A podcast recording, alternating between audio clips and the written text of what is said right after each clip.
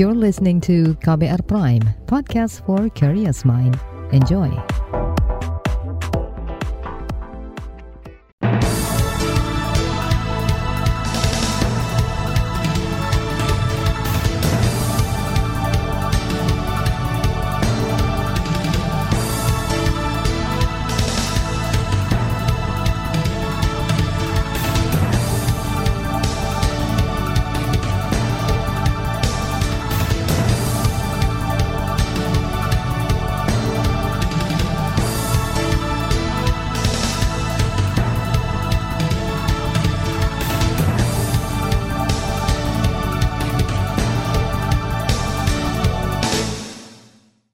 Pagi saudara, senang sekali kami bisa menjumpai Anda kembali melalui program Buletin Pagi edisi Selasa 3 Mei 2022 bersama saya Fitri Anggreni.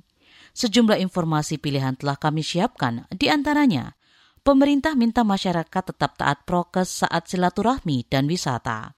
Jokowi imbau masyarakat kembali dari mudik lebih cepat. Polda Sumsel gagalkan penyelundupan ratusan ribu benur lobster. Inilah buletin pagi selengkapnya. Terbaru di buletin pagi. Saudara Presiden Jokowi mengingatkan masyarakat tetap waspada dan menjalankan protokol kesehatan di tengah pandemi COVID-19 yang belum reda. Hal itu diungkapkan Jokowi dalam unggahan Twitter pribadinya kemarin. Dia berharap sukacita karena bisa bertemu keluarga tidak membuat masyarakat luput akan kewajiban mereka dalam menjaga kesehatan bersama. Selain Jokowi, Wakil Presiden Ma'ruf Amin juga mengingatkan disiplin prokes. Dia khawatir setelah libur lebaran kali ini, kasus COVID-19 akan kembali meningkat seperti tahun sebelumnya. Karena penyebaran COVID-19 di Indonesia lebih terkendali. Namun karena pandemi belum benar-benar selesai, bahkan di beberapa negara kasusnya kembali meningkat, maka saya menghimbau agar seluruh masyarakat dalam merayakan Hari Raya Idul Fitri tetap waspada dan berdisiplin dalam menerapkan protokol kesehatan. Itu tadi Wakil Presiden Ma'ruf Amin. Sementara itu di beberapa objek wisata daerah seperti Taman Sari dan Keraton Yogyakarta serta beberapa objek wisata di Sukabumi Jawa Barat tutup untuk sementara waktu. Hal ini untuk mengantisipasi adanya interaksi yang terlalu banyak di lokasi-lokasi tersebut sehingga pengelola kewalahan untuk menerapkan protokol kesehatan.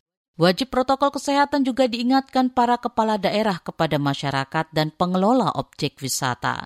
Gubernur Jawa Tengah Ganjar Pranowo salah satunya meminta pengawasan ketat di lokasi wisata dan fasilitas umum agar jaga jarak dan wajib masker bisa diterapkan. Melihat apa yang terjadi di rest area umpama, apa yang terjadi di jalan raya, eh, tadi juga kami cek lagi termasuk di tempat wisata karena ini banyak eh, menjadi tempat-tempat destinasi lah tujuan mereka nanti berpiknik.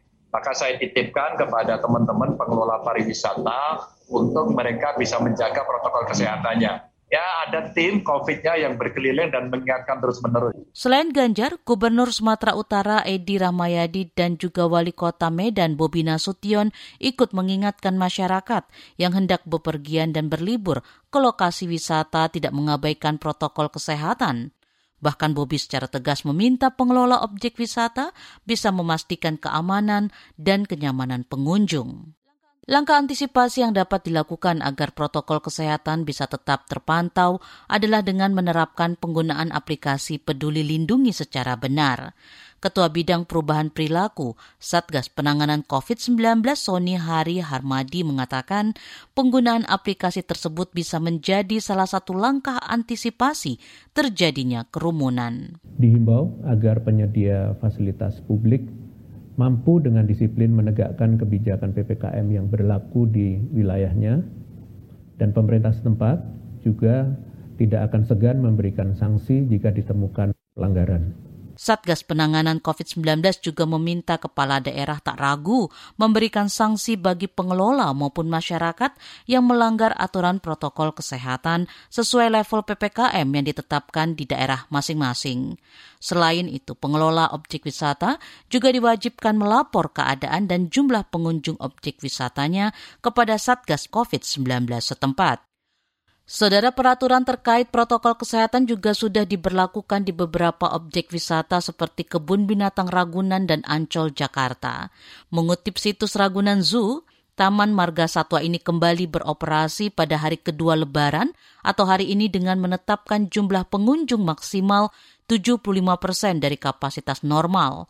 Selain itu pengunjung dewasa wajib mendapat minimal vaksinasi dua dosis dan untuk anak 6 sampai 12 tahun minimal satu dosis. Peraturan yang sama juga ditetapkan pengelola Ancol.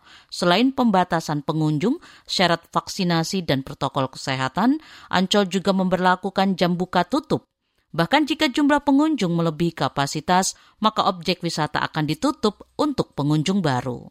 Menanggapi upaya pemerintah mengantisipasi lonjakan kasus dengan penerapan protokol kesehatan, ahli epidemiologi dari Universitas Griffith Australia Diki Budiman meminta Pemda mendata lokasi wisata berdasarkan tingkat keamanan dari penularan virus COVID-19.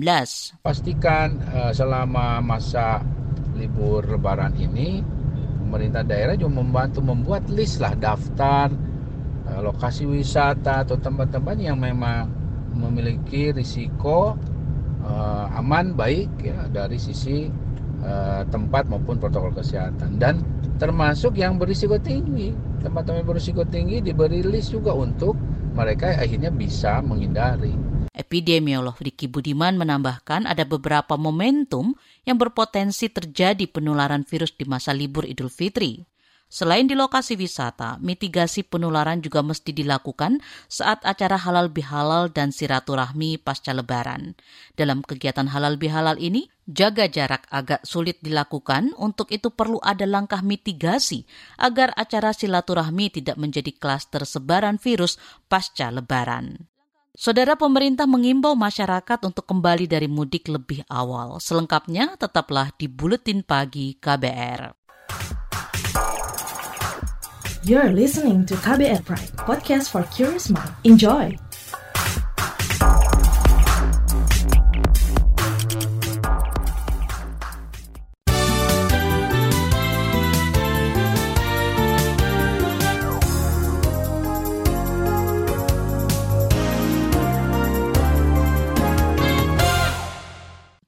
Presiden Joko Widodo meminta masyarakat segera mengatur perjalanan balik dari kampung halaman. Seperti saat mudik, pemerintah meminta perjalanan kembali dipercepat agar tidak menimbulkan penumpukan kendaraan di jalan maupun penyeberangan. Jangan semuanya nanti uh, uh, kembali arus baliknya semuanya di hari Sabtu dan hari Minggu pasti akan terjadi titik-titik kemacetan terutama di tol maupun di jalan nasional maupun di Merak Bakoni. Jokowi menyebut pada mudik lebaran kemarin terjadi kemacetan dan penumpukan kendaraan di ruas-ruas jalan tol dan penyeberangan seperti di Pelabuhan Merak Bakaheni. Ini terjadi lantaran animo masyarakat yang besar. Bahkan tercatat sebanyak 85 juta masyarakat mudik dengan rincian 23 juta di antaranya menggunakan mobil dan 17 juta menggunakan motor. Kepolisian mencatat ada lebih dari 270 kecelakaan terjadi saat arus mudik lebaran yang dimulai pada 29 April lalu.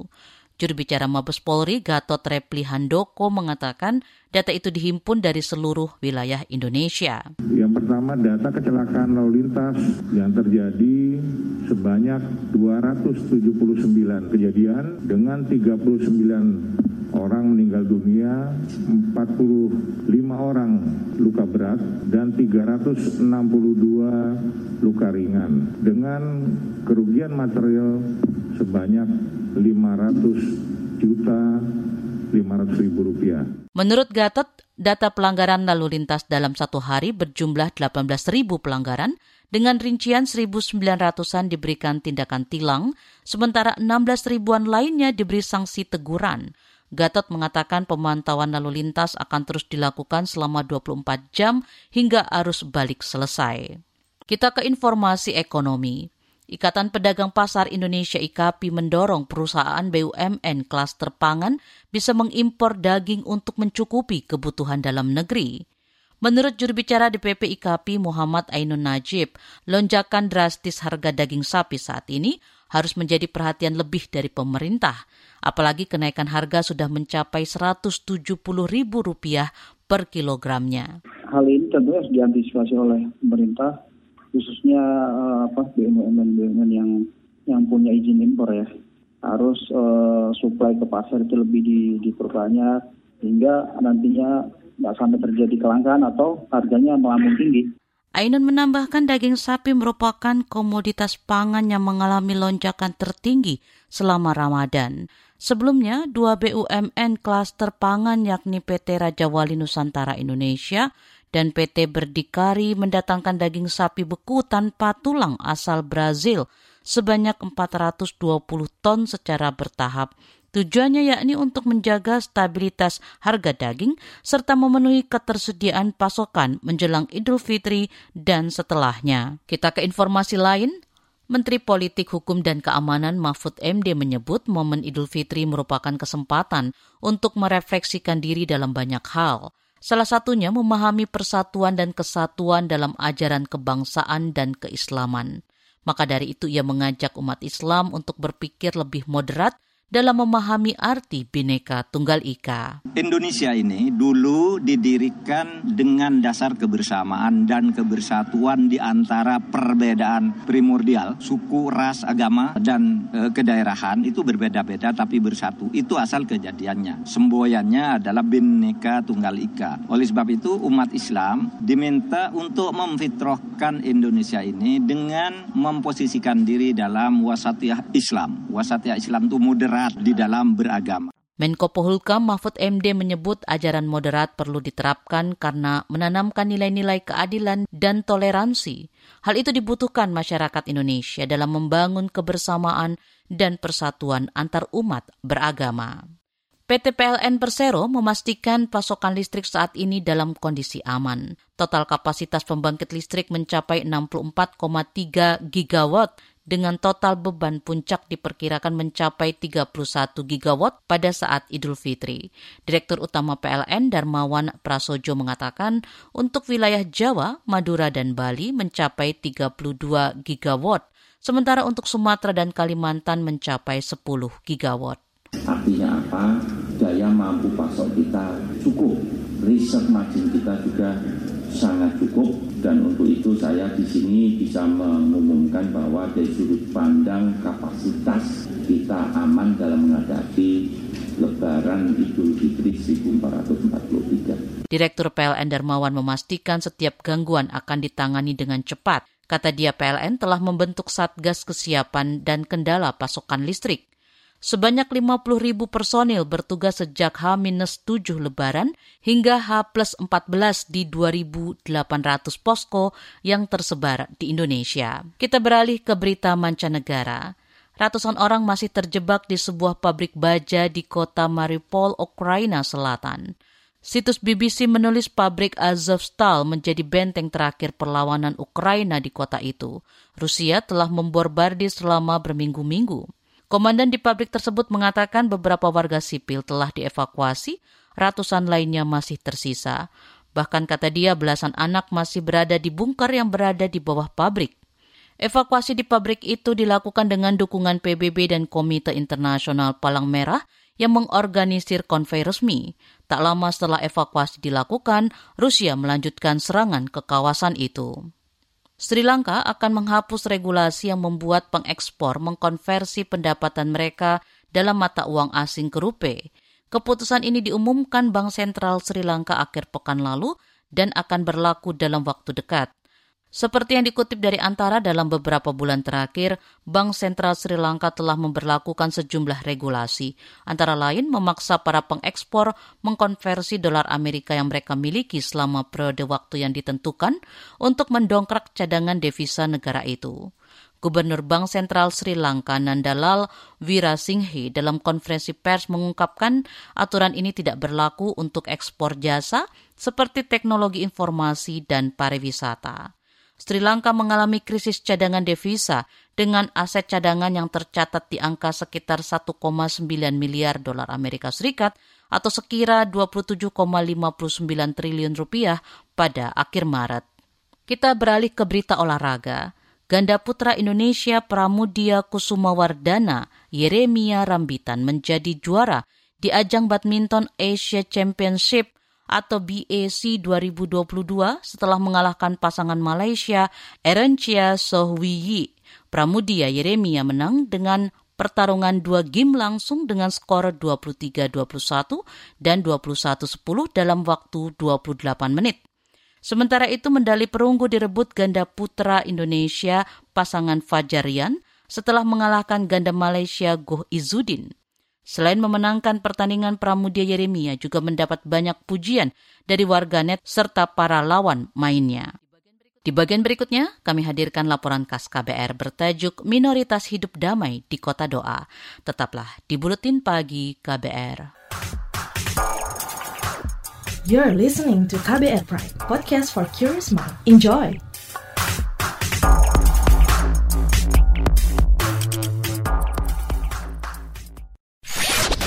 Commercial break.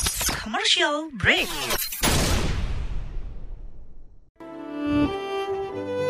Bu Hado, kabar kamu? Ba, kabarnya. Gimana kabarnya? Kumaha damang? Piye kabare? Kayak apa kabar pian? Aga kareba, baji-baji ji. Kengken kabarene. Naragiro telo.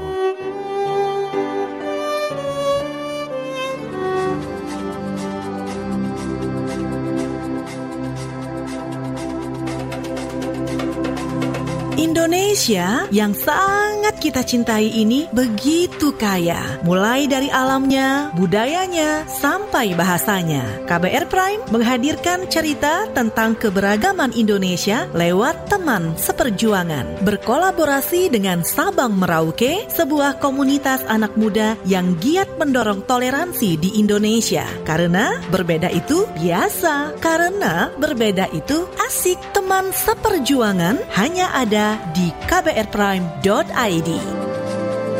KBR Prime, podcast for curious mind.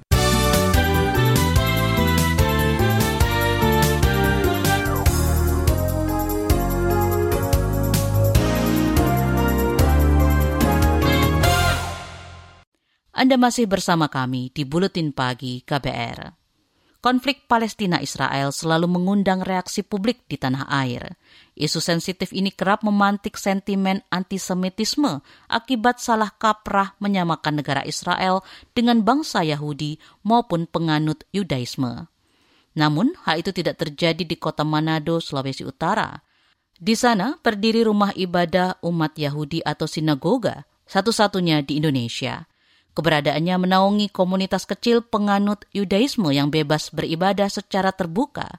Jurnalis KBR Wahyu Setiawan berbincang-bincang dengan mereka tentang kehidupan toleransi di kota doa. Mei 2021, konflik Palestina-Israel kembali pecah. Peristiwa ini memicu reaksi di tanah air lewat demonstrasi mendukung Palestina di berbagai daerah namun, situasi itu tak pernah mengusik komunitas kecil penganut Yudaisme di Tondano Barat, kota Manado. Rabi atau pemuka agama Yahudi Yakov Baruj. Orang-orang di Manado itu sangat dewasa, baik kalangan Muslim, Kristen, apalagi yang mayoritas itu mereka sangat-sangat tolerannya tinggi.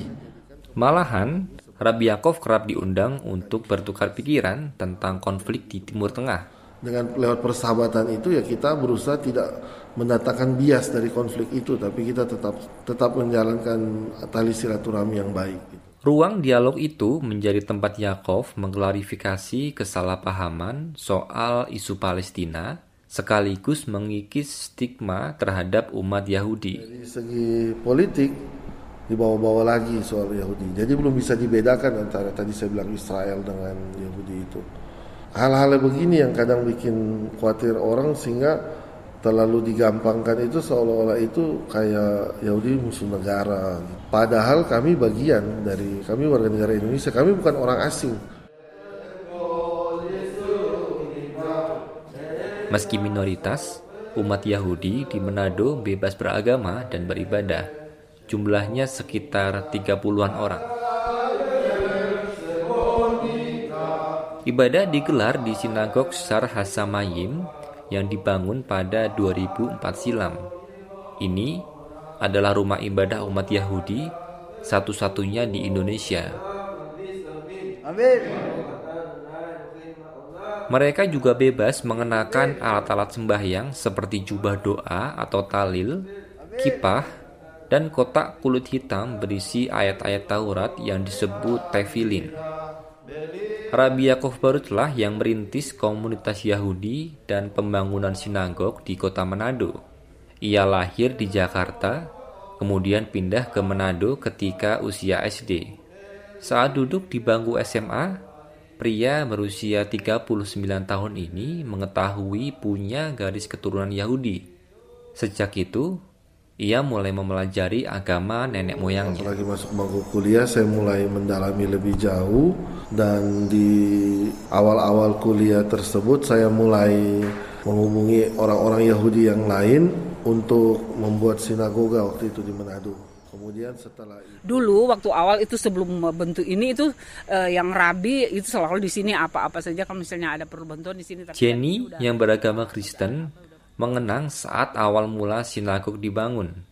Komunitas Yahudi bertetangga dekat dengan warga sekitar. Waktu Rabi uh, menikah dulu, kawin dulu itu diundang sama tetangga semua tetangga di sini. Prosesi perkawinannya itu beda ya. Jadi saya senang sekali lihat. Maksudnya kan cara kawin orang Yahudi Harmoni itu juga tampak saat bulan Ramadan lalu, kata Rabi Yakov. Sinagog mengundang komunitas Kusturian Manado untuk buka puasa bersama. Mereka melakukan doa maghrib di sini karena kami siapkan karpet. Di situ saat mereka bersolat maghrib kami ada yang berdoa secara waktu Yahudi di sama-sama di petang dengan beda barisan tentunya supaya tidak mengganggu yang sholat. Tapi kami bisa merasakan gimana kedamaian dari ilahi itu dari Tuhan itu turun ke.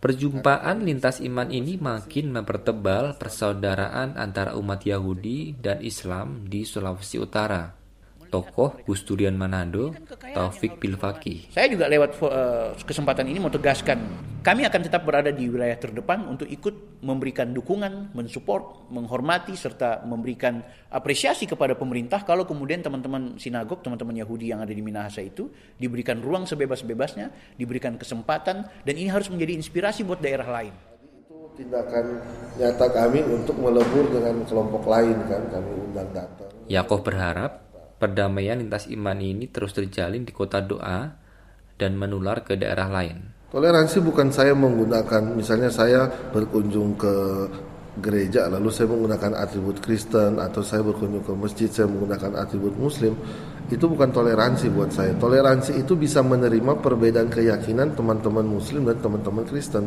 Bisa menerima itu itu toleransi.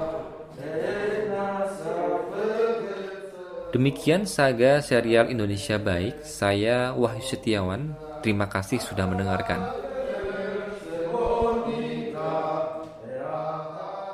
Informasi dari berbagai daerah akan kami hadirkan usai jeda. Tetaplah bersama Buletin Pagi KBR. You're listening to KBR Pride, podcast for curious mind. Enjoy!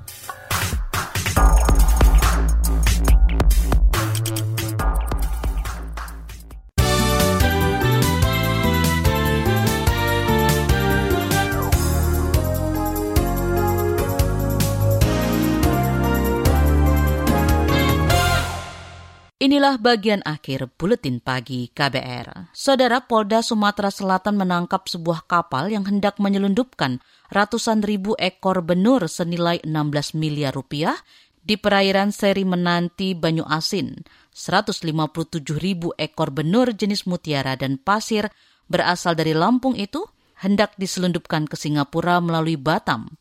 Kapolda Sumatera Selatan Tony Hermanto mengatakan penangkapan tersebut berlangsung pada Jumat lalu. Enam pelaku yang merupakan kalau kita katakan ya broker kembali, tetapi mereka yang berada di tengah laut. Ya.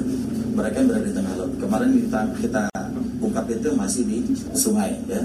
Jadi di sungai dibawa ke tengah laut dengan kapal yang besar itu dan rencana akan dibawa ke Batam sampai Singapura. Kapal yang dibilang kapal hantu itu dengan kecepatan hampir 100 km per jam. Kapolda Sumatera Selatan Tony Harmanto mengatakan dalam proses penangkapan tersebut, tiga anggota kepolisian sempat menjadi tawanan tujuh anak buah kapal ABK yang melakukan perlawanan. Dari tujuh tersangka, satu orang melarikan diri dan masih dalam pengejaran. sementara dua orang tengah menjalani perawatan akibat ditembak peluru petugas saat hendak melarikan diri.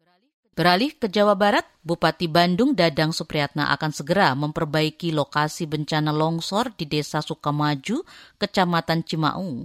Longsor sedalam 5 meter tersebut mengakibatkan jalan antar desa terputus. Ya insya Allah kita akan hari ini langsung minta Pak Kalak BPBD untuk melakukan rapat dengan Porkopim supaya menyatakan status tanggap darurat dan kita lakukan perbaikan. Insya Allah ada beberapa lokasi yang terutama bencana banjir dan longsor ya, termasuk yang jebol di daerah Rancaekek dan sekitarnya kita akan perbaiki setelah kita mekanisme surat ini kita lakukan. Selain itu, Bupati Bandung Dadang juga meminta Badan Penanggulangan Bencana Daerah BPBD dan jajaran perangkat desa untuk memantau lokasi masing-masing, terutama titik rawan bencana. Menurutnya dengan cuaca ekstrim yang masih terjadi saat ini, maka itu tidak menutup kemungkinan bencana longsor dan banjir akan kembali terjadi. Badan Meteorologi, Klimatologi, dan Geofisika BMKG mengingatkan adanya potensi cuaca ekstrim pada Rabu besok di 30 kota kabupaten. Dilansir dari laman BMKG, cuaca ekstrim akan meliputi hujan sedang hingga lebat diikuti petir, kilat, serta angin kencang. Adapun potensi tersebut diprediksi terjadi di sebagian besar Aceh, Bangka Belitung, Banten, Bengkulu, DKI Jakarta, Jambi, Gorontalo, sebagian besar Jawa Barat, Jawa Timur, Jawa Tengah, hingga Kalimantan. Saudara informasi tadi menutup jumpa kita di Blutin Pagi hari ini. Pantau juga informasi terbaru melalui kabar baru, situs kbr.id, Twitter kami di akun @beritaKBR, serta podcast di alamat kbrprime.id. Akhirnya saya Fitri Anggreni bersama tim yang bertugas undur diri. Salam.